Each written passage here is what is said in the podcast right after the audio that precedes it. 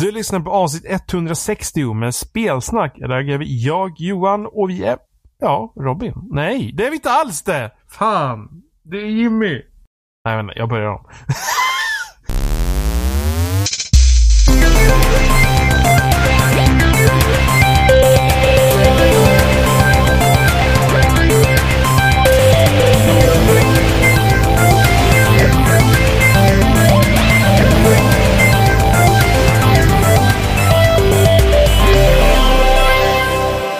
lyssnar på avsnitt 160 med spelsnack. Där är vi jag, Johan och Jimmy. Ja, här är första gången Ja. vi två är. Ni, jag har, kört, har jag kört ensam med Robin förut? Jag kommer inte ihåg. Ja, typ, typ två gånger något sånt. Ja, du och Robin har kört ensamma har ni gjort. Ja, det är då det blir alltid så långt. Ja. Vi hade typ så en och en halv timmes diskussion om Mirror's Edge. Det känns som att det kommer bli tvärtom nu, du och jag. Det blir kort istället. ja, Men det kan ha andra orsaker också. Som ämnestorka. Ja, det finns ju inte så jättemycket att prata om egentligen i alla fall. Och så har vi så mycket att göra också så att det är svårt att hänga med Ja, i vad som händer. men det är lite efter lanseringstiden av Switch. Så Ja, Nintendo har börjat, de har visat upp typ Mario Kart 8, lite sådana små saker och det har Ja. inte hänt något speciellt. nej och sen så det finns ju typ, alltså det var ju det, så switchen är ju typ Zelda-maskinen typ. Ja. Det har kommit en lanseringstrailer till Mass Effect. Eh, den var inte bra. Jag har inte kollat. Jag tyckte, jag tyckte inte om den. Det var så här, bara, liksom, nja, det är inte riktigt den här känslan man vill åt kanske. Jag antar att de testar något nytt. Det är väl inte exakt som ettan, tvåan, Eh, trean. Nej, och det är väl på gott och ont det Ja, också. Men jag det. känner ju liksom att alltså, allt de har visat upp av Andromeda har ju inte varit så här, får man hoppa ur stolen. Det är typ så här bara, jag vet att jag kommer köpa det för att det är Mass Effect, men vad de visar är ju liksom inte någonting som Ja. man säger wow. Jag känner att jag vet att det är på väg, men jag har nästan inte kollat på någonting än för att det känns inte så lockande. Men däremot, jag har bara spelat ettan och tvåan. Du har inte spelat trean? Nej, jag har spelat trean. Och jag inte är relativt spoiler eh, fri. Ja, jag, jag Mm. vet ju typ lite saker, men Ja. inte så här. Jag vet bara att det är dåligt. Och Du jag vet bara- att det ser ut som en bild någon hittar på internet typ när det slutar och men sådär. det, alltså, Men sen vet jag inte något mer. Så folk var ju inte så glada över slutet i trean. nej, jag vet. Och sen så liksom typ finkammar de hela spelet efter saker att gnälla på. Det var typ såhär, åh titta animationerna här borta, det ser jättefult ut. Det är 2D-sprites och den här bilden är stock image och de har typ photoshoppa. Och, ja, det var väl hon, um, hon vad heter hon med masken? Tali. Ja, man får Ja. se Talis bild och då var det en stockfoto och så hade de photoshoppat den. Vilket egentligen, egentligen är det ju inget fel. Alltså de har ju säkert rättigheter att använda bilden liksom. Så Ja. att det, det, det är inte så. Men liksom då börjar man finkamma allting för att så här, trean är jävligt bra fram till slutet. Faktiskt. Ja, och, det, och det tråkiga med slutet var att det la liksom sig som en slöja över resten av serien också. Mm. Det blev liksom så här lite bitter eftersmak. Jag har faktiskt jag har börjat på en ny genomspelning av ettan med, med fem käpp istället. Jag har Mm. bara spelat med manliga förut. Jag eh, föredrar ju manliga Shepard framför kvinnliga. Jag vet att det är en ganska impopulär åsikt. Har, Men, jag nog, jag tycker jag är nog relativt neutral än så länge. mm. Faktiskt. men alltså, jag tycker inte att den kvinnliga Shepard är dålig, men jag tycker bara att det finns mer det finns mer kraft i den manliga Shepards röst när man håller tal och sådana grejer som jag tycker är bättre. Och det är väl det, Ja. antar jag. Men det, Ehm, det är en kul serie, men det är alltid svårt att börja med ettan tycker jag. För ett, ty, tycker du? jag tycker ettan är svår att komma in i en tvåan. Ja, ja, nej, jag har faktiskt inga problem med ettan. För det känns lite klumpigt. Ja, jo, jo men det är det. det. Det är ju liksom ett äldre system, det är inte lika smidigt och det är liksom lite det är inte lika actionorienterat som 203 är. Jag har till och med en i klassen nu som har han har spelat 203 flera gånger men aldrig spelat igenom ettan. Han, har trö- för han har tröttnat varje gång. Men ettan är riktigt bra. Alltså Ja, ettan har problemet- typ bäst story.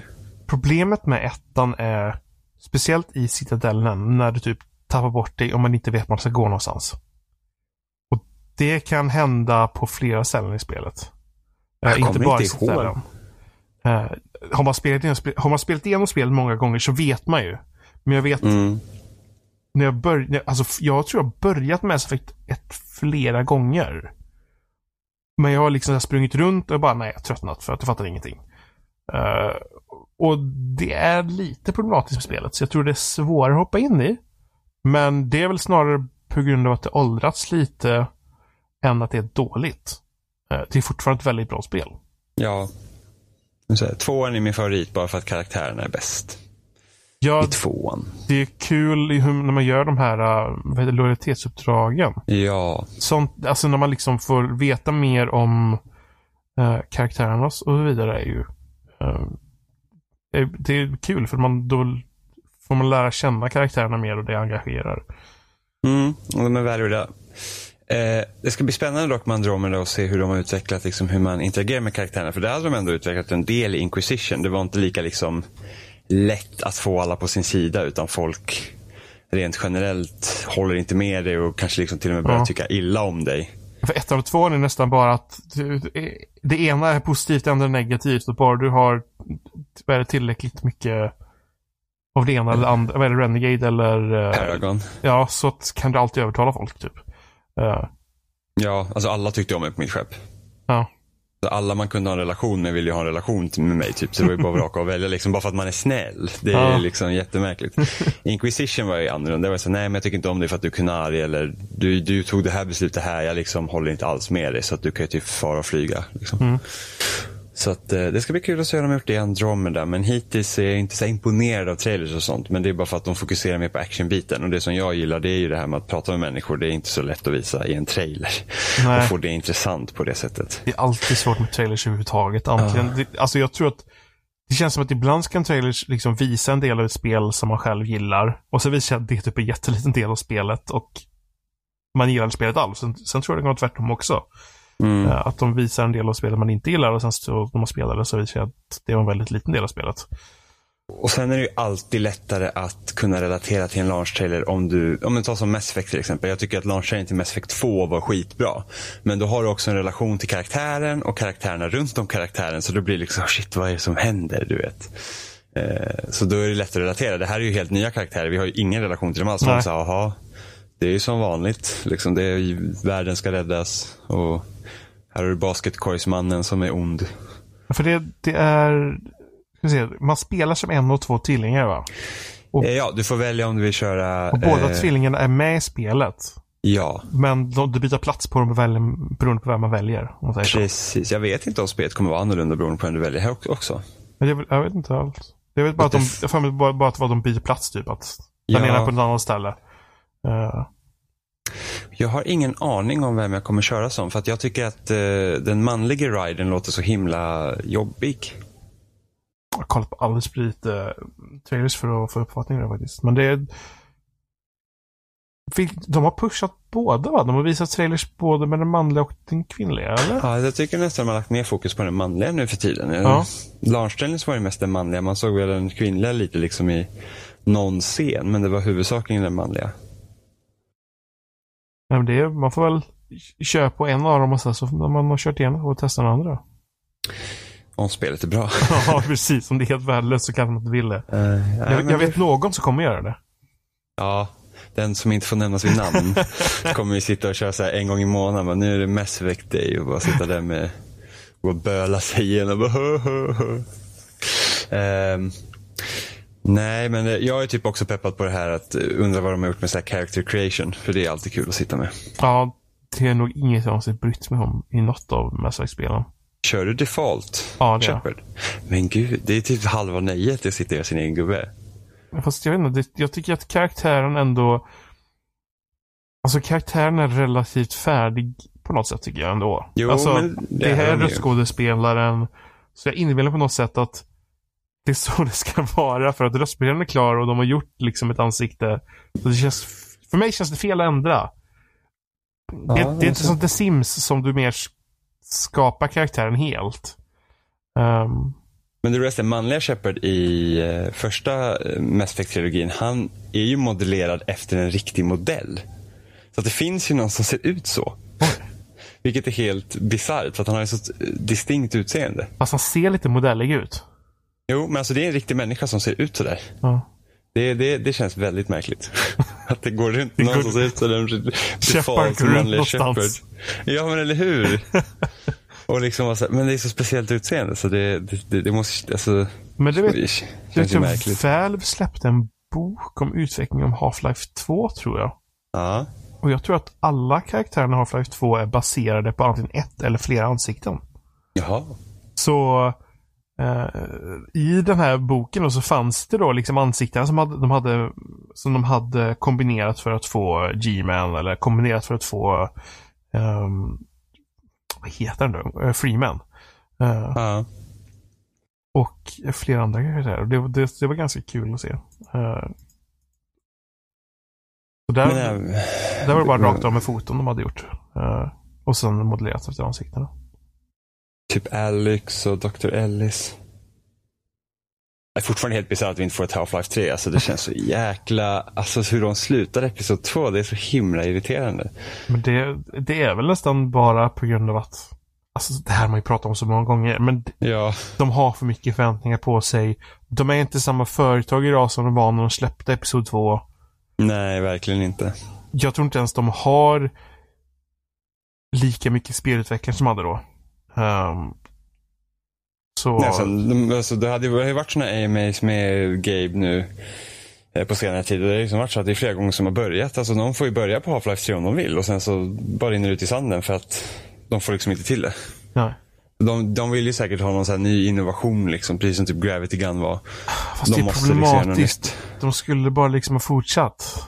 Ja, precis. Det är ju det. Det skulle ju Men bara nu fortsätta. kanske de inte kan det. Nej.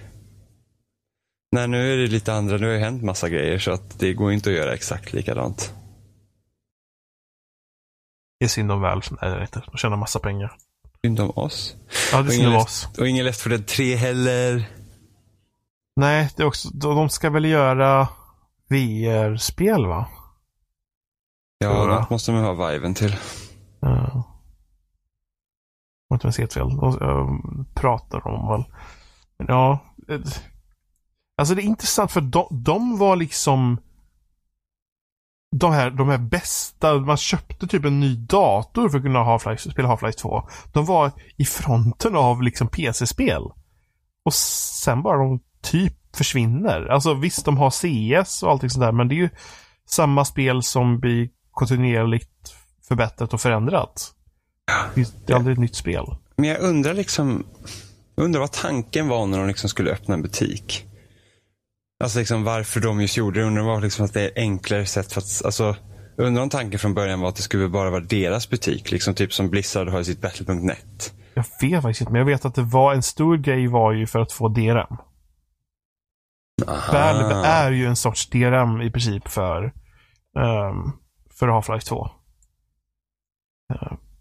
Ja, så kan det ju mycket väl ha varit. Men sen så, ja. Det har ju blivit... eh, alltså de har ju typ monopol på, på Windows. Mm. Med, med PC-spel liksom.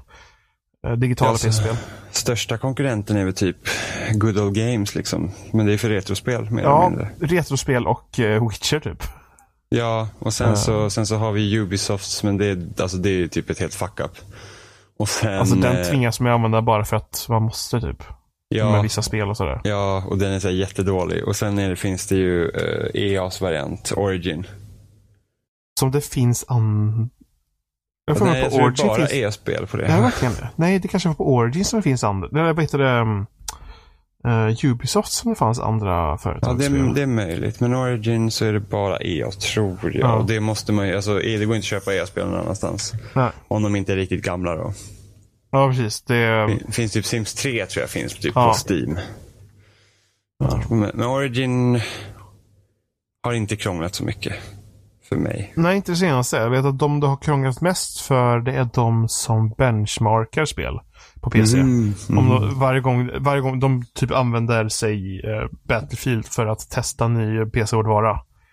Eh, och då byter de ju ut liksom flera delar av datorn i omgångar för Mm. att testa hårdvaran. Och då har det blivit så här problem att det kommer upp ett typ nej det här spelet körs redan på det här eller det här är redan aktiverat på det här. Du har kört för mycket hårdvaror och grejer. Eh, Ja. Så där har de haft problem med det. Men för vanligt folk så tror jag det funkat. Faktiskt. Speciellt det senaste. Jag har inte haft något problem med det. eh, på länge. Men det är Nej. just tråkigt att det har gått till det att när, alltså det börjar nästan vara som att varje utgivare har en egen butik. Ja, ja men det, det, alltså det är bra på ett sätt för att det blir konkurrens. Men samtidigt vill man ju ha alla sina spel på ett ställe på, på liksom en maskin. Men jag vill ha konkurrens på riktigt. Att det är butiker, jo, det är alltså att det inte är Steam som, De har allt utan att det finns, typ att Origin också skulle typ ha ett lika stort utbud. ja Eller- att de också har ja. andra utgivare och sådär. Men det blir problematiskt för att Alltså det behövs ju komma, vad heter det, det behövs komma en, någon typ av sån här butik som inte är kopplad till en utgivare. Om du förstår vad jag menar? Ja, Utan det snarare ja. bara är en butik. Men det är väl typ närmast kommer vi kommer till, det är väl typ Humble Bundle va? Ja, det skulle jag nog säga. De, Men de har ju mest indiespel va? nu har de ju, de nej, har de har, lite allt möjligt. de har ju Humble Store nu så det är ju nästan alla spel på Steam tror jag. Ja, just det. Och så får du Steam-nycklar då. Ja. Mm. Inte på allt. Nej, kanske inte, men mesta. Och sen Ja. så Sen så finns det här gratisutgivare, så här Itch.io, som är massa så här småspel också som folk kan lägga ut saker på. Nej, men det, det, det behövs mer. Det behövs alltid mer konkurrens på det sättet. Det är ju fördelen med datorn. Där kan det existera konkurrens. Det kan det ju inte på konsolerna. Nej, men jag hade för mig förut var det kom någon rykte typ om att det skulle komma fler så här storefronts på typ Xbox och sådana där grejer. Det var, Men väl en, det var väl en grej då när PS3 fick typ delar av Steam inbyggt för Portal 2 typ. Ja, just det. Man kunde ju koppla sitt PSN-konto till... Steam och sen kan man köra co-op med någon på datorn. Visst Så var det var så? det. Mm. Så det har ju existerat några så här intressanta kopplingar så, men det var ju inte specifikt med butiken dock. Ja, jag tror den mest intressanta kopplingen var när Microsoft öppnade upp för crossplay mellan konsolerna. Där hade man ju önskat att det skulle faktiskt komma på riktigt. Hur blev det då med, eh, vad heter det? Eh, Rocket League? Eh, du kan ju spela Rocket League mellan PS4 och PC. Ja. Och jag tror att du nu kan göra det mellan Xbox One och PC också. Ja. Men inte mellan Xbox One och PS4. Det har varit intressant om det gick. Det har varit jätteintressant. Och sen så, men eh, Xbox One har ju det här bra med det här Play Anywhere med Windows 10. Mm. Eh, och jag tror Gears 4 kan du numera, eller ska kunna köra multiplayer mellan Xbox One och PC också. Ja, klart. Bara, bo, bara båda två kör med kontroll så Mm, vad i spelar det för roll? Liksom? Och sen tror jag det ska finnas speciella lobbys. Liksom typ att ja, men jag, det gör ingenting om jag kör med, Nej, med folk på PC. Liksom, typ. eh, du kan köra co-op kan du dock göra, köra med. det var bra om de hade verkligen kunnat hålla koll på om det var kontroll ikopplad eller inte. Eh, för då hade det liksom, de kunnat sö- sömlöst liksom köra multiplayer mellan konsol och PC. Eh, Problemet är att folk alltid hittar sätt att gå runt sånt där. Ja, men precis. Men det, det är bra, då, låser, då kan man ju, jag tror det är så att man kan låsa ut det så att du, jag vill bara köra med folk Ja. på Xbox. Så då är det okej. Men det, alltså just den, hela det nya systemet som de har med att eh, de flesta spelen kommer till PC också är ju skittrevligt. Tack vare det så fick man ju Forza Horizon 3 liksom att kunna spela på, på datorn. Eh, Ja, och det är ett sånt spel som går utmärkt att köra mellan konsol och PC. Det spelar Mm. liksom ingen roll. Nej, för att man kör med, det, det, eller kör man med tangentbord så är man då är det ännu svårare för det bara går faktiskt konstigt nog. Nej, det är skitsvårt. Ja. Men eh, det var, jag kom att tänka på det också, det här Rares nya spel. Ja, Sea of Thieves. Ja. Eh, Åh gud. för det ser jag kollade upp ut. det och det ska också komma med sådana där grejer så det kommer till PC också som jag förstod det som. Mm. Och det där såg, jätte, det såg jättekul ut. Ja, alltså det, det var ju typ det spelet jag ser mest fram emot efter E3. Nu har vi inte sett så mycket och sen så blir man lite orolig så här, typ att handlar det bara om att gå ut och hämta skatter liksom? Och, och Har du kollat på de här spelsessionerna som de har lagt upp? nej, jag har ju inte gjort det. Jag har försökt hålla mig lite för jag har sett lite liksom. Alltså jag har kollat på, jag, jag har skummat igenom två senaste tror jag i alla fall. Mm. Och det verkar liksom kul för att de kör ju bara runt ute på havet och ska hämta saker. Och så dyker det upp liksom folk, alltså andra riktiga spelare. Ja, Som börjar skjuta på dem och så skjuter de på varandras händer och så bara nej det var samma folk som kom förra gången och tog alla våra grejer. ja. Men ett problem jag ser med det, det är det här att de, eh, du kan ju gå bankernas skatter. Och sen Ja. är de säkra.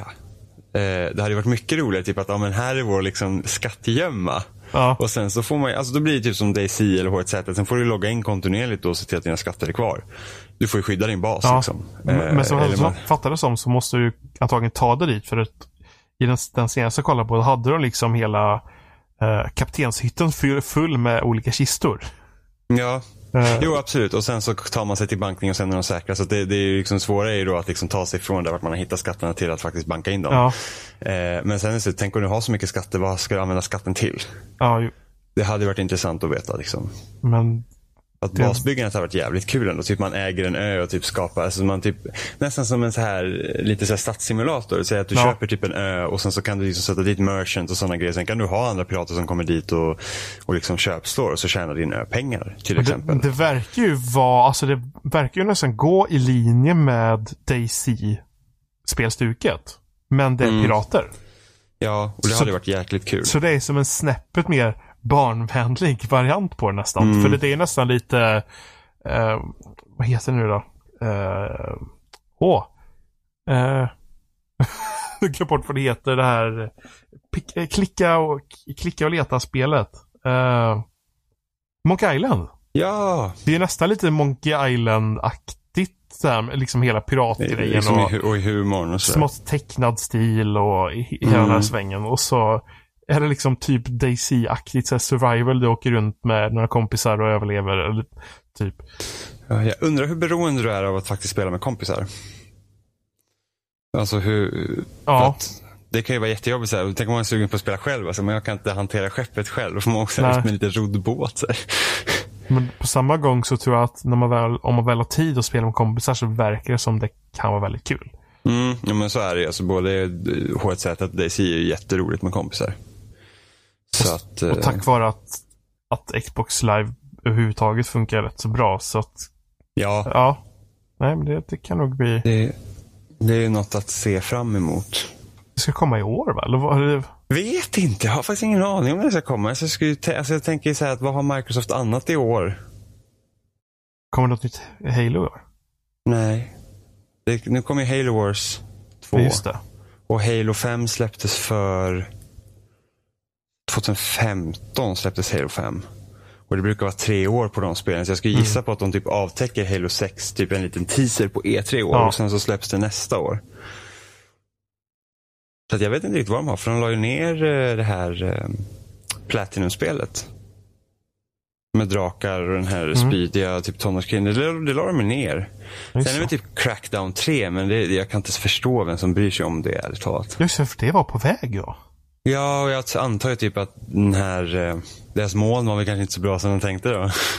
Men att de skulle spränga upp hela liksom, stan och att allt skulle kunna gå i bitar. Jag antar att, jag antar att det typ blir en lanseringstitel, typ, typ Scorpio. Ja. Att det blir liksom så att om en kör ni på Scorpio så kommer det funka skitbra med allt det här liksom. Mm. Eh, men jag, jag kan inte, jag vet inte, alltså Crackdown har aldrig tilltalat mig. Jag kommer ihåg att jag spelade på typ GameStop typ. När det första Crackdown Xbox 360, runt när Xbox Xbox 360 kom i sån här uh, kioskkonsol liksom. Ja. Men det var aldrig något som lockade. För det var typ ett öppet världsspel va? Ja, så typ samlar man orber. Det är typ det jag vet. Och så hoppar man runt på tak och grejer. Det är typ allt jag vet om det spelet. Jag vet att det var gratis på Xbox Live Gold så jag laddade ju ner det typ. Men jag Mm. inte startade det för att jag tyckte titta på bilderna så bara det här ser fan gammalt ut. Ja. Men tänkte på Halo igen. Halo 5 var det som var bra multiplayer igen va? Eller? ja, men kampanjen är jättedålig. Men, men multiplayer var bra där igen. Multiplayer är typ det bästa Halo någonsin har varit. Ja. Hoppas att nästa kommer på PC också. Ja, det är frågan om de gör det. Eller om, alltså, så, som, så som jag har förstått när typ Phil Spencer pratar nu så är det typ att alla exklusiva spel ska komma till Windows 10 också. Ja, för de släppte ju map-editorn till Windows 10. Ja, Forge. men inte spelet. Nej, men de släppte map-editorn och du kan köra multiplayer men det finns ingen lobby. Nej, Så att om du har kompisar som laddar ner det så kan man liksom köra multiplayer-matcher. i eh, Forge man, liksom. Ja, bara man kopplar ihop sig. Mm. Så att grunden är liksom redan där så att det är ju inte alls omöjligt att det kommer. Sen kom det väl en rysk version eller någonting av något Halo-spel? Ja, just det. Det var, så här MM, det var typ så här mest... Fan, det var någon free to play Halo-grej. Ja, free to play baserat på Halo 4, tror jag. Ja, det måste ha varit. Men det lades väl ner ganska fort. Om den släpptes. Om den det, det, kanske till och med rullar fortfarande, jag vet inte. Nej, jag har för mig att det var någonting att det lades ner. Det kom en artikel. De brukar ju satsa mycket på free to play i Ryssland för det är så mycket piratkopieringar för mig. Ja, och i Asien också. Det är väldigt poppis med free to play. Men det känns som det dog ut ganska snabbt här. Alltså free to play på konsol.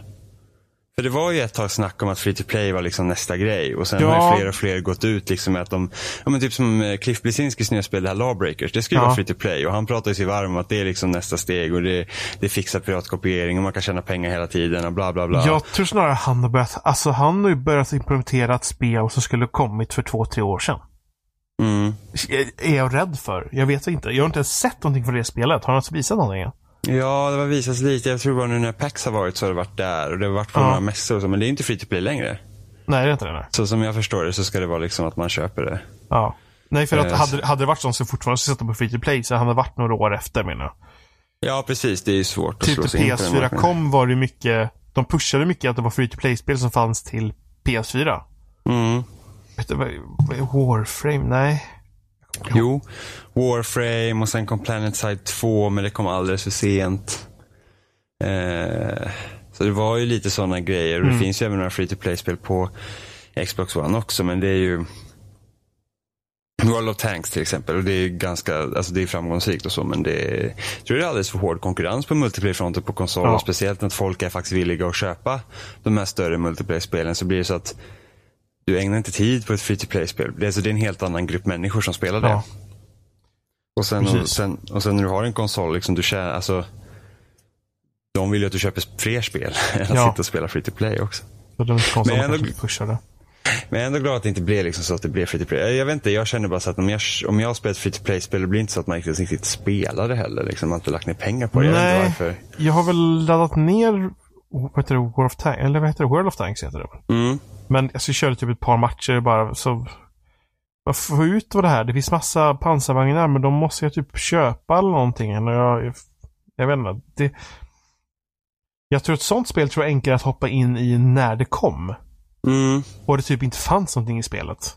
Ja, nej, risken blir ju det liksom att när folk har spelat länge och de har de här grejerna och du hoppar in som ny så är det jättesvårt. Ja, men alltså, det är därför... inte bara att andra har saker utan att just att det är mycket, att det blir överväldigande med spelet. Ja, det är också. Eh, men det är typ, typ ta Hearthstone. Eh, jag det en del. Inte så att jag blev jätteduktig. Men liksom, jag är inte sån som spelar ett spel hela tiden. Utan jag hoppar emellan spel. Och så kommer några nya expansioner och sen får man börja om från noll. Jag har liksom ingen aning om, om jag ska spela Hearthstone idag så har inte jag någon aning om vad som är bra. Så jag kommer ju aldrig hoppa upp i ranken om jag inte köper nya kort och får nya kort och kan göra nya lekar. Så för mig är det jättesvårt och då tappar jag liksom intresset och det finns ju ingen idé för mig att hoppa in i det längre. Eh, och, det, och det är typ Blizzards filosofi med Overwatch var ju den att det skulle också vara free to play från början. Och sen så var det så här, nej men alltså vi kan inte liksom sitta och låsa karaktärer bakom någon free to play-vägg som du måste köpa upp för att spelet bygger så mycket på att du kan byta karaktärer i matchen. Eh, och då måste du ju ta tillgång till alla karaktärer. Jag tror inte att Overwatch hade blivit lika eh, stort som, som, som det är om det hade varit free to play, tror jag faktiskt. Det hade liksom blivit det att eh, några stycken, alltså folk hoppar in i början, spelar, folk faller av till slut och sen så, de kommer inte tillbaka. Har Overwatch börjat att kylas ner lite? Jag vet alltså jag har ju massor med kompisar som det är typ det enda de spelar. Jo, men alltså, jag har ju flera klasskamrater som det har varit det enda spelet de spelar. Mm. Men jag har faktiskt inte koll på om de faktiskt fortfarande gör det. Nej, så jag, alltså för min del var det, kom så mycket multiplayer-spel i, i vintras och höstas där. Så det blir som att hoppa mellan dem. Och i år har det kommit massa, alltså nu liksom Resident Evil, Zelda, Horizon. Eh, sen så kommer Mass Effect och det, och det är Persona 5. Liksom, så det finns så mycket att spela nu så att man känner att man inte har riktigt tid att hoppa in i Overwatch. Eh, men det var några veckor sedan så spelade vi ändå några matcher liksom och höll igång. Så att det är fortfarande kul. Det var lätt att hoppa in igen bara man kan grunderna. Så att de, de ändrar inte spelet så att du inte känner igen det. Eh, så det är ju... Det blir kul att se hur eh, Blizzard förvaltar det. För de brukar ju vara rätt så bra på att förvalta sina spel. Ja, men tredje karaktären ska ju komma snart. Den finns ju typ i provlobby på PC nu. Mm. Eh, så kommer en, det är en tredje karaktär och de har väl släppt typ tre eller fyra banor till spelet också. Det kommer liksom med, med jämna mellanrum så att det finns ju alltid något nytt att gå till. Och sen har de lagt till massa nya lägen och sånt också. De har ett helt så här arcade flik i spelet så där det är lite olika. Typ capture flag och one mot one och tre mot tre. Så att de har ju testat lite olika liksom ändringar i koncept då. Mm. I spelet och det gjorde ju så att det var jättekul att hoppa in igen. Eh, och liksom testa de grejerna. Så att det, det, det finns ju där. Så det, det tycker jag de har skött väldigt bra. Även eh, 343 skötte Halo 5 väldigt bra. Också med nya banor och sådär. Men nu har det inte kommit på ett tag. Så nu antar jag att de är full... De arbetar fullt ut på Halo 6. Var det, var det DLC-baserat femman också med kartor? Ja, men de var gratis. De, var- ja, de var gratis. Alla banor var gratis. Så det kommer typ kanske fem banor eller någonting sånt där. Så det är ju inte, det är inte jättemycket. Då Mm. när man köpte banor och sånt så brukar det vara tre banor per paket. Och det kommer typ tre paket inom loppet av två år. Jag hoppas att fler multiplayer-spel går efter det. Att, att kartorna blir mer och mer gratis. Ja, för att det är så, det är så stor konkurrens nu så att du, du kan ju liksom inte... Alltså du kan, alltså det är jättesvårt att ta betalt för banor. Ja. Men att det, just, Du delar upp spelarbasen och det finns så mycket annat att spela. Att du, då vill du liksom, man vill hålla kvar spelarbasen. Det är ju så. jag lyckades ju ta del av uh, Battlefront för ett tag sedan. Eh, Mm. Med allt, allt extra. Eh, Ja, Ultimate Edition. Precis. Och jag tror jag bara har kört originalbanorna. För att det är inte så mycket spelare på de andra banorna och det är så många banor så att jag känner att jag vill ju hinna lära mig banorna. Och är det för många banor så är det svårt att hålla koll på det själv tycker jag. Ehm, och, och jag vet inte. Och just att det ska finnas spelare också. Ja. Eh, Det är ju problemet när det är ett spel med många lägen. Mm. Och det hade ju, alltså det var, jag kommer ihåg, jag, jag körde ju bara Battlefront första helgen jag var ute. Sen så har jag aldrig rört det igen. Eh, för Nej. att, ja, vi körde mycket betan och sen när det riktiga spelet kom så bara, nej men det, det finns liksom ingen strategi i det här. Det är bara Det är springa och döda varandra. extremt mycket Alltså, det är lägen bara- alltså. Ja, och det var ju liksom redan då kunde Ja. du inte hitta folk i alla lägen. Nej, jag, jag har kört mest Droid Run tror jag. Ja, Eh, just det. Det var rätt så kul. Och det, var nog, det är nog det läge som jag tyckte varit roligast. Och jag har nästan bara spelat de lägena som att det är färre spelare i. Jag har inte spelat några av de här stora eh, med många spelare i. Jag har kört mest de här som det är typ 12 spelare i. Det är 6 mot 6 är det väl? Tror jag. Eh, ja, men finns jag tror det inte jag var det. Ja, men jag tror det finns Ja. ett... Men det inte finns något läge med typ 40 spelare också. Jo, 40 spelare är väl de stora tror jag. Mm. 48 tror jag. Eller? Ja, jag vet kanske. inte. Jag Men, men, men Droid Run är det som jag tycker var roligast faktiskt. För att matcherna kan bli jättekorta, de kan bli jättelånga. För det kan ju vara det att om man tar alla robotarna så går det rätt så fort att ta över det. Men sen om det hela tiden, om man så här, hoppar hela tiden mellan det så kan det bli en ganska lång match. Men för, för det mesta så blir det rätt så korta matcher och det kan vara ganska gött för att då sitter du inte och spelar liksom hur länge som helst. Mm. Ehm, och nej, det, det är nog det, det. Men ja, problemet, det är ett kul läge just det. Men problemet är att det är för många lägen och för många banor och alla har ju inte alla lägen och alla banor hit och dit. Så att det är problematiskt att det blir så uppdelat. Ja, det har ju typ alltid varit problem i Battlefield också när det kommer lägen i DLC. Mm. Så sitter folk och spelar kanske de två första veckorna och sen hoppar du in senare så går det inte att köra de lägena. Liksom. På samma gång förstår man ju för att jag antar att alla de här lägena är inte klara när spelet släpps. Mm. Jag hoppas inte det i alla fall, för det har varit horribelt. Ja, Jag- ja, jag- det jag an- jobbigt. Jag antar att de antagligen fortsätter arbeta efter spelet har släppts och att det senare då kommer och att de senare släpper helt enkelt. Och att de då vill ha pengar för det arbetet. Eh, Jo, men- men... samtidigt är det ingen som köper de DLCerna för att få ett nytt läge. Nej, det, det är problematiskt just att de, alltså det är ju alltid det. Det är för samma, ska vi se, vad var det, Halo Reach tror jag. Som jag Mm. spelade multiplayer ett ganska kort tag. Och där är det problematiskt för att där var det också samma sak. Jag tror också jag köpte något, något DLC. Jag, det, det var ju ett av de första spelen jag köpte på 360. Så jag köpte ju bara DLC för att köpa DLC. Ja. Men det var ingen som spelade de banorna. Nej, det var för att de kommer ofta inte upp heller. Alltså, problemet med Halo DLC ofta varit att de banorna kommer inte i listorna. Nej. För att du, du måste, då måste alla liksom i lobbyn ha dem och den söker liksom inte bara efter folk med DLC-banor. Så att det var ju, alltså spelar du inte typ de banorna de kom så kom de ju typ aldrig upp i playlisten heller. Nej, men det det- skötte typ Modern Warfare 2 skötte det jättebra för då kunde du liksom välja att nej, men nu vill jag bara söka med de som har DLC-banor. Mm.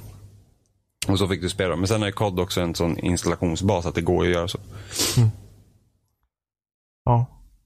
Nej, jag, jag tycker, jag hoppas att de tänker om där lite. Flera, eftersom några redan har gjort det så kanske Ja. fler borde ta efter.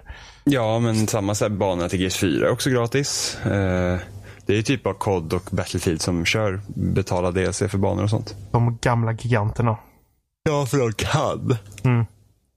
Du har, Ehm. men du har spelat lite Horizon va? Ja, jag eh, klarade ut Zelda eh, i... fan klarade ut Zelda? I torsdags kanske? Ja. Och sen så köpte jag Horizon för att fylla typ tomrummet. Jag var jävligt sugen på Horizon innan för att jag fått så bra betyg och sådär. Och tänkte att det är ändå något jag vill prova på. Men så kom ju Zelda så tätt in på och då visste jag att jag kommer spela Zelda hellre. Och då märker man ju ändå så här typ vilka smarta val Nintendo har gjort att ta sig runt i världen och sånt. När man kan liksom typ klättra på allting och du har paragliding för att hoppa ner och sånt. Det gör så att eh, att utforska Hyrule i Breath of the Wild blir så pass enkelt då. Att det vill man göra. Mm. Och problemet i Horizon är att du tar det inte runt så lätt. Vilket gör att ibland känns världen som ett hinder mer än att liksom att åh vad kul det är att springa runt här. Liksom det gör så att nej, dit vill jag inte gå för jag vet inte hur jag ska ta mig därifrån. Och då måste jag springa så långt och det blir krångligt och grejer. Eh, så att det var liksom den största skillnaden redan där. Liksom hur man hur man alltså hur man tänker kring hur du ska ta dig runt världen är viktigt. Liksom. Och man tänker typ Ubisoft-spel och sådana grejer, så Assassin's Creed, då kan, du, då kan du ju typ klättra på allt också. Så där har det heller aldrig varit några riktiga stora problem.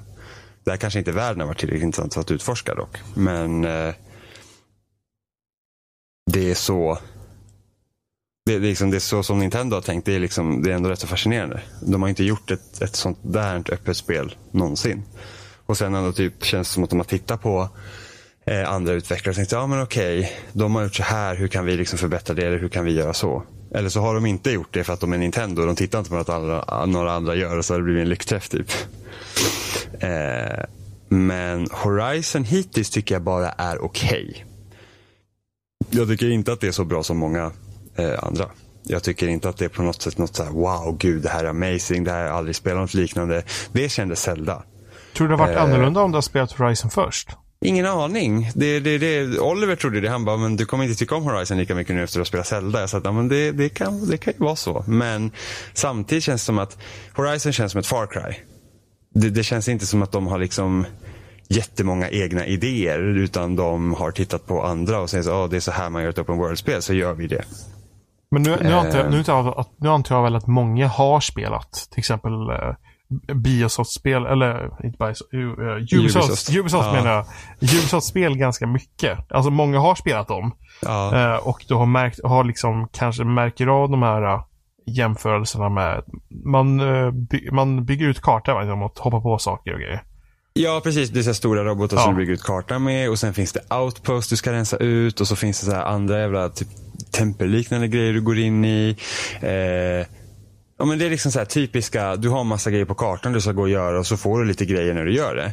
I Zelda var det aldrig så att här är ett camp utdraget. Utan det var ett camp där bara som du kom till. Och där kanske fanns en kista du behövde döda alla fiender för att få. Men det var liksom inte så att det här kallar vi ett camp och det här kan du rensa ut. Och så kan du rensa ut 100% av alla camps. Utan det var bara så att man gick dit för att man ville. Eh, det var, det var liksom det enda som finns typ utpekat på kartan. Det är typ shrines och de här tornen. Och tornen är väl det mest liknande man får från eh, Ubisofts spel. Liksom Assassin's Creed och dem för att låsa upp kartan. Men då tycker jag ändå att tornen i, i Zelda var liksom ingen fara. Det var ju liksom bara att du, du klättrade upp för dem. Och du klättrar ju så mycket i spelet ändå. Så att det var ju, kändes ju inte onaturligt.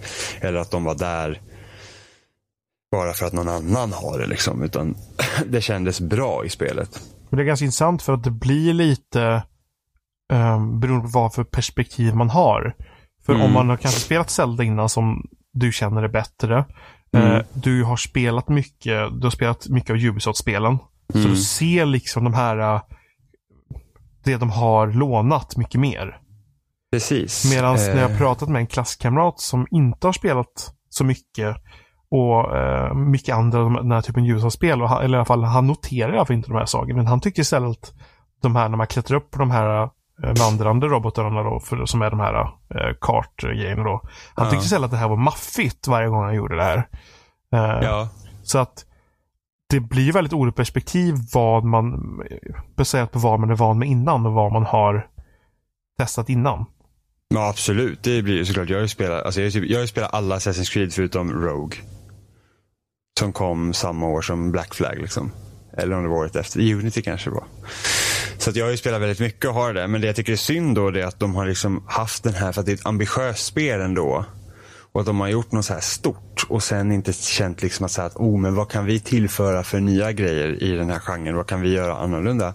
Så har man gjort som någon annan istället. Och det är inte för att de gör det dåligt. Men det är tråkigt att det är så likt. Eh, sen så tycker jag att början i spelet var ändå rätt så bra. Det var så här att det blev spännande rätt så fort. Och liksom när hela plotten och det drar igång. Och sen bara svalnar det av. Det är jättekonstig struktur i början. Liksom så här, ja men nu, nu, har vi, nu har du blivit det här och nu ska du ge, bege dig hit för att söka svar. Och sen så hamnar jag och göra en massa konstiga sidequests. och ta liksom ut och rensa olika ställen och, och, och liksom, det, det bara helt liksom, det bara helt tappar momentum. Och jag var så här, men varför fortsatte ni inte här? Det var ju, alltså jag var ju så engagerad för det var spännande. Eh, och sen så många av de här sidequesten har ju något som jag kallar David Cage guilt. Det här med att man tänker så, oh vad är det som är hemskt? Och sen så tar man, gör man det ännu lite hemskare för att man ska typ sympatisera med den här okända människan man aldrig har träffat. Det var typ, det var en, en man som var typ skadad och så går man och pratar med honom. Och då var hans dotter hade försvunnit så de varit ute och jagat och hon hade, hon hade då gett, han hade blivit skadad och hon hade gett sig efter det här monstret själv och då vill han att man ska hitta henne. Det är så här fine. Men så lägger de även till att det här spjutet som den här mannen har använt som nu sitter fast i den här roboten som, som, som är livsfarlig är eh, hans döda fru och då dottern till, eller mamman till den här dottern. Och liksom det var så här, men snälla någon. Liksom, alltså det är, alltså jag får ju liksom inte, ja det är hemskt va, men det är liksom det är ju bara där för att typ trycka på några känslonerver som, som Det är som att man skulle ta två personer bredvid med en stor skylt. Som är pilar på. såhär Det är hemskt typ åh, bara. Ja hemskt. men be, so sad liksom.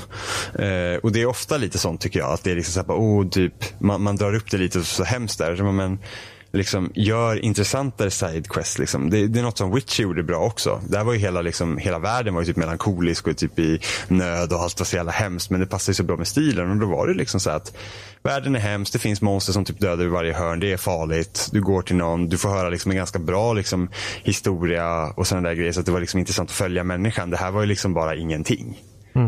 Liksom, du, du bara okej, det här spjutet betyder mycket för er. Gå och hämta det här spjutet, gå tillbaka så är det klart. Det liksom finns inget större djup i sidequesten. Eh, så det tappar liksom helt momentum och sen så nu vet ju jag att det ska liksom bli bättre längre fram så jag har kört lite idag men det är inte, sitter ju inte fast i det som jag gjorde med Zelda. Zelda var verkligen, jag inte spela något annat. Eh, och jag tror också det beror på att Zelda är så pass annorlunda för att i, i Horizon det är typ så här, ah, hur löser du problem? Jo, du dödar robotar. Eller människor. Det är, lite, det är liksom så du löser problem. Zelda är liksom pussel. Mm. Och, all, och inget pussel är typ likadant. Så då blir det ju liksom att man... eh, Det, det blir ju roligare för att när du går in i en shrine så är det ett helt nytt pussel du aldrig har gjort förut. Här går du till ett bandit camp, ja men det är liksom sju fiender du ska döda. Och det är ju alltid likadant. Och sen så saknar jag också simpelheten i Zelda. För att i Zelda var det så simpelt. Allt, liksom menyer, det är inte så många menyer, liksom, det var inte svårt att förstå. Det var inte massa konstiga uppgraderingar. Allt var liksom, det var relativt enkelt. Här är det ju liksom, det är liksom typ 30 olika väskor för olika resources och ammo, och potions och, och traps och, och outfits och vapen och modifieringar till vapnen. Var så att, ja, jag kan ju inte sätta mig in i det här. Nej, det blir för mycket. Det, det blir för mycket på en gång och spelet förklarar inte för, alltså, spelet går inte pedagogiskt igenom för dig hur det liksom funkar. Liksom, vad är viktigt, vad är inte viktigt. Eh, och samtidigt kanske man inte vill ha heller som stor igenom utan då får man, liksom, man får förbättra systemen helt enkelt och göra det enkelt att förstå. Um, så det är en massa sådana små grejer. Men nu jämför jag det med Zelda också. Liksom I sig själv, det är ett helt okej spel. Jag tycker inte att det är fantastiskt än. Så får se vad jag tycker sen när jag klarar ut det. Om jag klarar ut det. Om jag inte hinner tröttna innan dess. Uh, men det är otroligt snyggt. Jag har ju HDR på min tv nu också så att det är ju Alltså det är typ miljontals färger. Man bara, solnedgång, jag har aldrig sett en sådär fin typ. Det, wow, vad mycket rosa. Så, att, eh, så det är det inget fel på. Men jag tycker hittills tycker jag, tycker inte huvudkaraktären är så jätteintressant. Hon är, så här, hon är nästan här Lara Croft eh, syndromet. Det är att man vill hjälpa alla hela tiden. Mm. Utan några problem och sen så liksom att hon sympatiserar typ med vem som helst. Och liksom så här, men hon har varit outcast, hon har blivit liksom typ Hatar hela sitt liv och det liksom märks inte riktigt i hennes karaktär att det ska påverka henne nämnvärt. Eh, och då blir hon tråkig, precis som Lara Croft blir också tråkig. Lara Croft är så att ja, hon vill ha skatterna såklart. Och det, hon, vill, hon går liksom hon ska ha dem. Vilket märks typ i Rise of the Tomb Raider. Var liksom, ja, men jag tänker ta den här skatten i alla fall oavsett vad ni tycker. Men samtidigt ska hon hjälpa alla också. Så det liksom blir inget val för henne utan hon bara ska göra allt. Och det känns lite samma sak som att Aloy är likadan. Så det är lite tråkigt. Det är liksom ingen intressant karaktär än. Eh, det är ju liksom ingen, alltså Nathan Drake oavsett liksom hur typ Indiana Jones action det är så är han ändå intressant liksom. Mm. Jag känner väl att av de här två spelen så är det ju helt klart Zelda som jag känner mer lockande. Ja, absolut. Alltså... Även, även om Även om det är så att jag har ett PS4 så jag kan ju bara köpa Horizon. Så mm. känner jag att det nästan är värt att bara vänta tills man har råd med att köpa en Switch just för att hela, bara grejen att det är ett bärbart Zelda som är liksom från nuvarande generationen. Det är inte så att det är 3DS och du spelar Mirror's Mask eller Ocarina of Time. Utan det är ett bärbart konsol Zelda i princip. Mm. Som du kan köra när du vill. Och just, just utforskningen verkar vara jättetrevlig. Så ja. det, det är svårt att att inte tagga det alltså. Ja, nej, alltså det, jag körde mestadels LA's handheld mode. Och det var mm. liksom helt fantastiskt. På bussen och sådana där grejer. Det var liksom så här, wow vad bussresan gick fort liksom. Och sen det här att man, du går till ställen bara för att du undrar vad det är där. Istället för att det är en marker på kartan som bara, gå hit. Utan det är verkligen så bara, wow, jag ser någonting i horisonten. Dit vill jag gå och se vad det är för någonting. Eller oj, jag såg det här namnet på kartan. Vad är det? Och så går man dit. Och så känns det alltid som att man blir belönad också. Det finns alltid en shrine. Och klarar du en shrine så får du liksom ett poäng som, som du sen kan jobba mot att få typ mer stamina eller till hjärta och sådana grejer. Så att det är aldrig onödigt heller att gå någonstans. Och det är liksom kul. Zelda är väldigt speciellt. Det är liksom... Alltså det, det, spel görs inte så, förutom av Nintendo typ.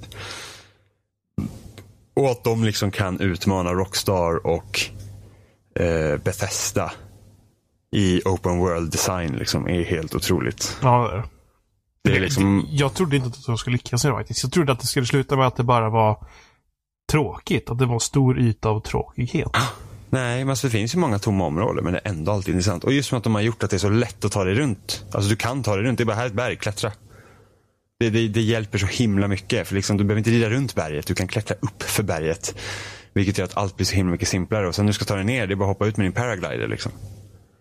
Så att eh, de har liksom designat spelet smart runt den öppna världen just för att det ska vara enkelt att utforska. Det är verkligen så att men här har du en värld som du ska leta dig igenom. Så ha kul.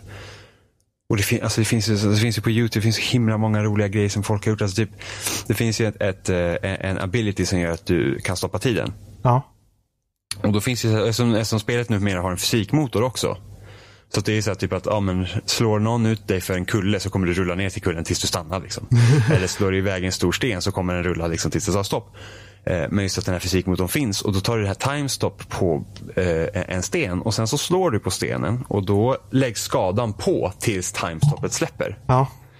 Eh, och då hade någon slagit på den här stenen och sen hoppar han upp och håller i stenen och sen flyger han iväg med stenen. Så bara, ny fast travel metod liksom. Så hoppar han bara av precis. Bara en sån grej liksom. Vem kommer ens på en sån sak? Och sen finns det liksom, alltså det, det, är så sjukt mycket detaljer som bara lagt till. Alltså jag har ju säkert inte sett hälften av allt som spelet har att erbjuda. Liksom någon typ, så här, det finns så här typ, eh, du vet de här typ bläckfiskliknande monster som skjuter stenar som har typ funnits i alla Zelda. Så kan du få så här, det kallas octoballoons. De kan du sätta på objekt så flyger de iväg. Så någon har satt det på en flotte och börjat köra liksom upp. Alltså det, det är liksom helt insane vad man kan göra. Det, det, jag tror det kommer vara kul att se det här som ett ett tecken på vart kanske Zelda är på väg i framtiden. Nu är det ju förmodligen många, många år tills nästa kommer. Men det ska bli kul att se om de fortsätter med det här. För att de fortsätter inte med motion-kontrollerna. Det, det har ju tagit stopp. Eh, däremot så var det även i Skyward Sword att det var mer öppet hur man skulle spela det va? Eller? Kanske inte ja, var. du kunde typ vid något tillfälle kunde du välja till vissa typ ett av tre områden och gå till först och sådana där grejer.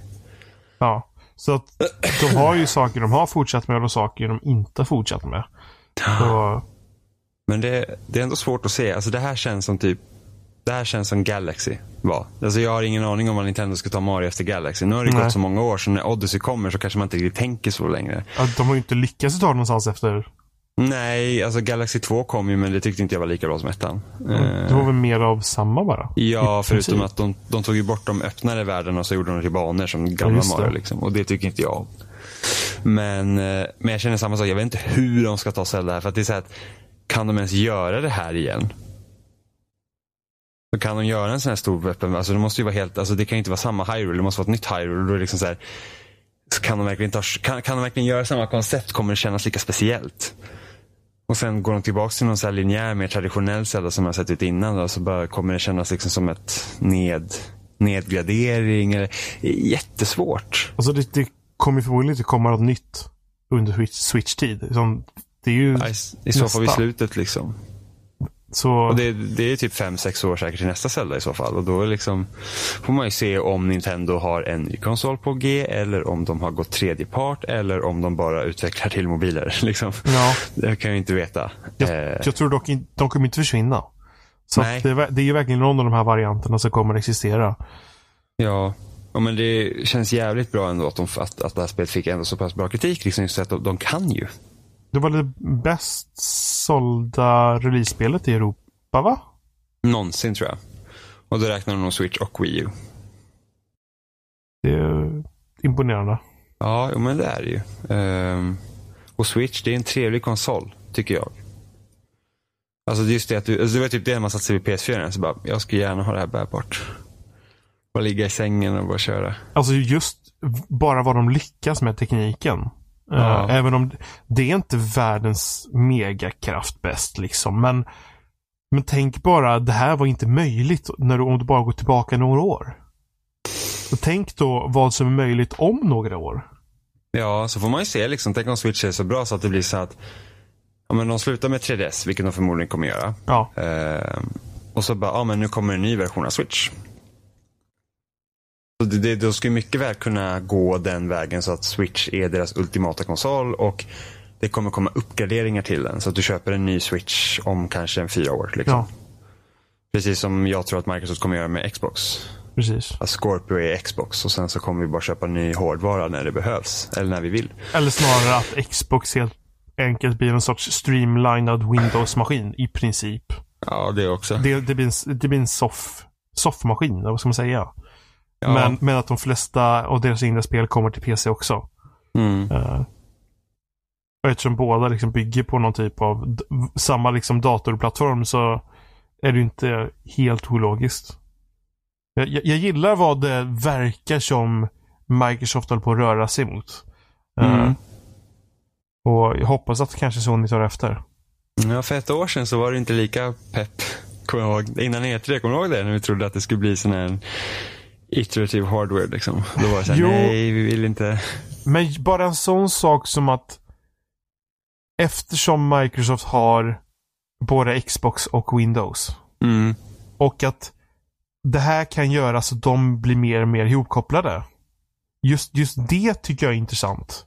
Problemet är väl kanske hos eh, hos Sonys sida, tycker väl jag. Att det kan bli problem där för att de inte, alltså att de har liksom bara konsolerna. Jag tror att det kommer vara svårare för dem att ta sig över till det andra för att de får inte lika mycket fördelar som Microsoft får på något sätt. Nej, precis. Men och sen så Microsoft är jävligt bra på vissa mjukvarulösningar. Så. Alltså ta bara det, det här att det är så enkelt att byta Xbox-maskin med sparningar och sånt. Det är som att när jag åker till Robin så loggar jag bara in på hans Xbox och startar mitt spel. Och jag är där att jag var hemma. Alltså den lösningen är så ja, enkel. jag installerade Fallout Shelter på min stationära och min laptop. Mm. Och det funkade helt sömlöst. Jag märkte, Ja. det är bara liksom när jag startade nästa gång då på datorn så tog- kom det upp en ruta att den synkroniserade sparfilerna. Och så var det bara fortsätta exakt där jag var. Ja, men det är så det ska vara. Det är så Så- jäkla nice. Så de, alltså Microsoft har saker som inte sorterar under deras mjukvarulösningar, men de är fortfarande i fronten ändå. Mm. Helt klart. Ja. Ja, det är de. Det Ja, är typ den saken som Xbox gör bättre än PS4. Det är det med sparfilerna. ja men alltså, är det, är det, hur är det med, med voice chat liksom? Är det fortfarande bättre på Xbox eller sämre på Xbox? Eller hur? Alltså det är jävligt skumt på Xbox emellanåt. För att ibland kan det vara så här att... Alltså typ, om jag sitter i party med Oliver. Ja, Så kan det stå på mig så här, ah, något hände med partyt. Men Oliver får inte den notifikationen, så han tror att inte att något är fel. Så ibland får man, eh, och ibland får ingen notifikation om att partyt, man bara så fan, ingen har pratat, alltså typ Oliver svarar inte när jag pratar, eller liksom det, det var tyst ett tag. Så går man in på party och fixar den, då är det disconnectat. Och ingen har fått veta någonting. gäller att de skärper sig där helt enkelt. Ja, så det är fortfarande helt, alltså det funkar fortfarande bättre liksom på 360. Ja, det är ju knappt. ja, 360 var det typ, alltså där var det problem så fick du alltid veta det. På Xbox är det inte så här, Ja. det är typ så här, bara, men det är bäst att vi inte säger På någonting. Xbox för att- vet jag det ofta slutar med att någon annan fick starta upp partyt. För att typ, någon kan ju inte komma in eller inte krånglar för någon. Och då fick någon annan starta upp party istället och då började det funka igen bara. Så att Ja, det var ju mycket nätproblem som var orsaken till många problem på Xbox 360. Ja. Eh, På- Det, är, det är väl lite bättre på Xbox One tror jag. Ja, jag tror att både på Xbox One och på PC då skapar de en en tunnel, en eh, liksom nätverkstunnel kan man säga, Mm. till eh, till eh, live eh, Xbox-servrarna. Så Ja. att du hoppar liksom över din router. Den trafiken ser aldrig din router utan, utan eh, Xbox eller chatten liksom eh, på datorn och så vidare tror att den är direkt kopplad till Xbox-servrar. Mm. Så på så sätt har de, jag tror de har börjat ta sig förbi just de problemen. Eh, men sen Ja. som andra problem är ju tråkigt. Men Ja. eh, de verkar ha liksom börjat lösa det. För att det är problemet med- just NAT. Att eh, många saker försvinner där i, i översättningen av IP-adresserna. Ja, ett jävla gissel med det. Alltså. Men det är bara på konsol som jag har märkt det där. Alltså men just, det är bara på konsol som de nämner det specifikt. Det här med NAT. Ja, Ehm, sen så har, de, har jag väl sett det då i Xbox-appen på PC. eh, men det är väl inte så konstigt eftersom det liksom är lite konsolaktigt. ja. Eh, men ja. Man har aldrig haft någon problem på PC när man har spelat typ via Skype eller Nej, annat. men på konsol existerar något. Ja, ja men det måste, ju, det måste ju vara någon så här typ att det blir liksom en, en tredje liksom jag vet inte. För att, mellanhand. Eller fast det är ju inte det för att den, det är ju det att eh, på din router, din, din uh, hemmarouter. Så, Mm. så har du ju eh, på alla dina enheter på nätverket så har du typ 192, 168, 0, 104 heter din iPad eller någonting sånt där. Ja, Och sen är det då att routern hela tiden översätter den IP-adressen till din externa IP-adress. Så allt ut, men problemet är att i den översättningen så kan folk, saker, eh, tappa kontakt. Och där kan få problem med olika typ multiplayer-saker. Det är just det som de har problem med då på konsoler med olika voice chats och sånt. Att den, den blir förvirrad i den översättningen. ja, ja, ja, det är märkligt. Ja. Det... Nat. Ja, ja. Det var väl allt vi hade den här veckan va? Jag tror det. Det blev ett gediget avsnitt i alla fall. Ja, det blev det. Jag trodde inte Ja. det skulle bli så här långt. Nej, jag tror Robin är problemet helt enkelt. Ja. Nej, men det var ganska, det blev ganska många roliga diskussioner måste jag säga. Ja, ja, absolut. Men vi finns som vanligt på spelsnack.com där ni hittar länkar till Facebook, YouTube, iTunes och RSS-flöden och under loading finns vi, eh, eller på loading finns vi under podcastmenyn eh, Äntligen. finns Där ni kan hitta vårt Så en flöde. månad senare, yes. Ja, Jajamensan, vi, vi är precis under Loadings podcast. Jag antar ju så här att Oskar när han la in det, han bara, vi tar efter största vikt då. då. ja Eh, nog för att vi du borde menar varit vi, överst. du menar att vi är tyngst så att vi sjunker längre ner? Eller? Uh, ja, nej, att vi ligger i alla fall Ah. tvåa i listan. Så att det är så här, Ja. Loadings podcast, det får man ju ändå ge dem, va? att man förstår att de har den högst upp då. Men, även fast jag tycker ju då att det är fel beslut. Men sen så kommer ju vi då, och sen de andra två behöver ni inte bry er om. Sen är det en, en som inte existerar längre. Precis. Spelradion ligger där tror fortfarande. Mm, spelradion, fortfarande Sveriges bästa podcast. Förutom oss ja, men Jag lyssnar på spelradion väldigt mycket. Eh, Den var Ja. faktiskt jävligt bra. Även fast jag generellt sett inte tycker om svenska podcasts sådär mycket. För att svenska podcasts är ofta väldigt lugna och sansade och man pratar väldigt svenskt på det sättet att man är man, men du förstår. Men man tror är tror du att de är van saklig. med att man har lyssnat mycket på radio? Och så förväntas man att prata på ett specifikt sätt och så blir det bara så. Jag, jag tror det och sen liksom man, väntar på sin tur och man liksom bara Ja, alltså jag tycker ju då att det här spelet är väldigt bra. Och det, det, jag klarar inte av det. Jag Nej. lyssnar på amerikanska podcasts och tjoar och så här. Tror även, jag tror att även amerikanska radiokanaler är mer högljudda. Ja, jag tror det också. Så att jag tror att det har någonting med det att göra. I Sverige är vi vana med att i princip bara ha Sveriges Radio. Ja, Och sen så kommer ju, alltså, sen så kommer de andra radiokanalerna ganska sent. Så vi är vana med att ha den här tydliga svenska radion där vi pratar lugnt och sansat. jag läste en hel eh, bok som heter Television and the meaning of live. Eh, av en, en eh, amerikansk medieforskare som eh, han, han börjar undersöka det här med, med eh, hur eh, eh, programsättningen sätts på tv. Det här med att vi kan slå på tvn och sen har vi en massa kanaler där och vi kan byta mellan dem och liksom vad betyder liksom den vad, ordningen och när reklamen kommer in och allt det där.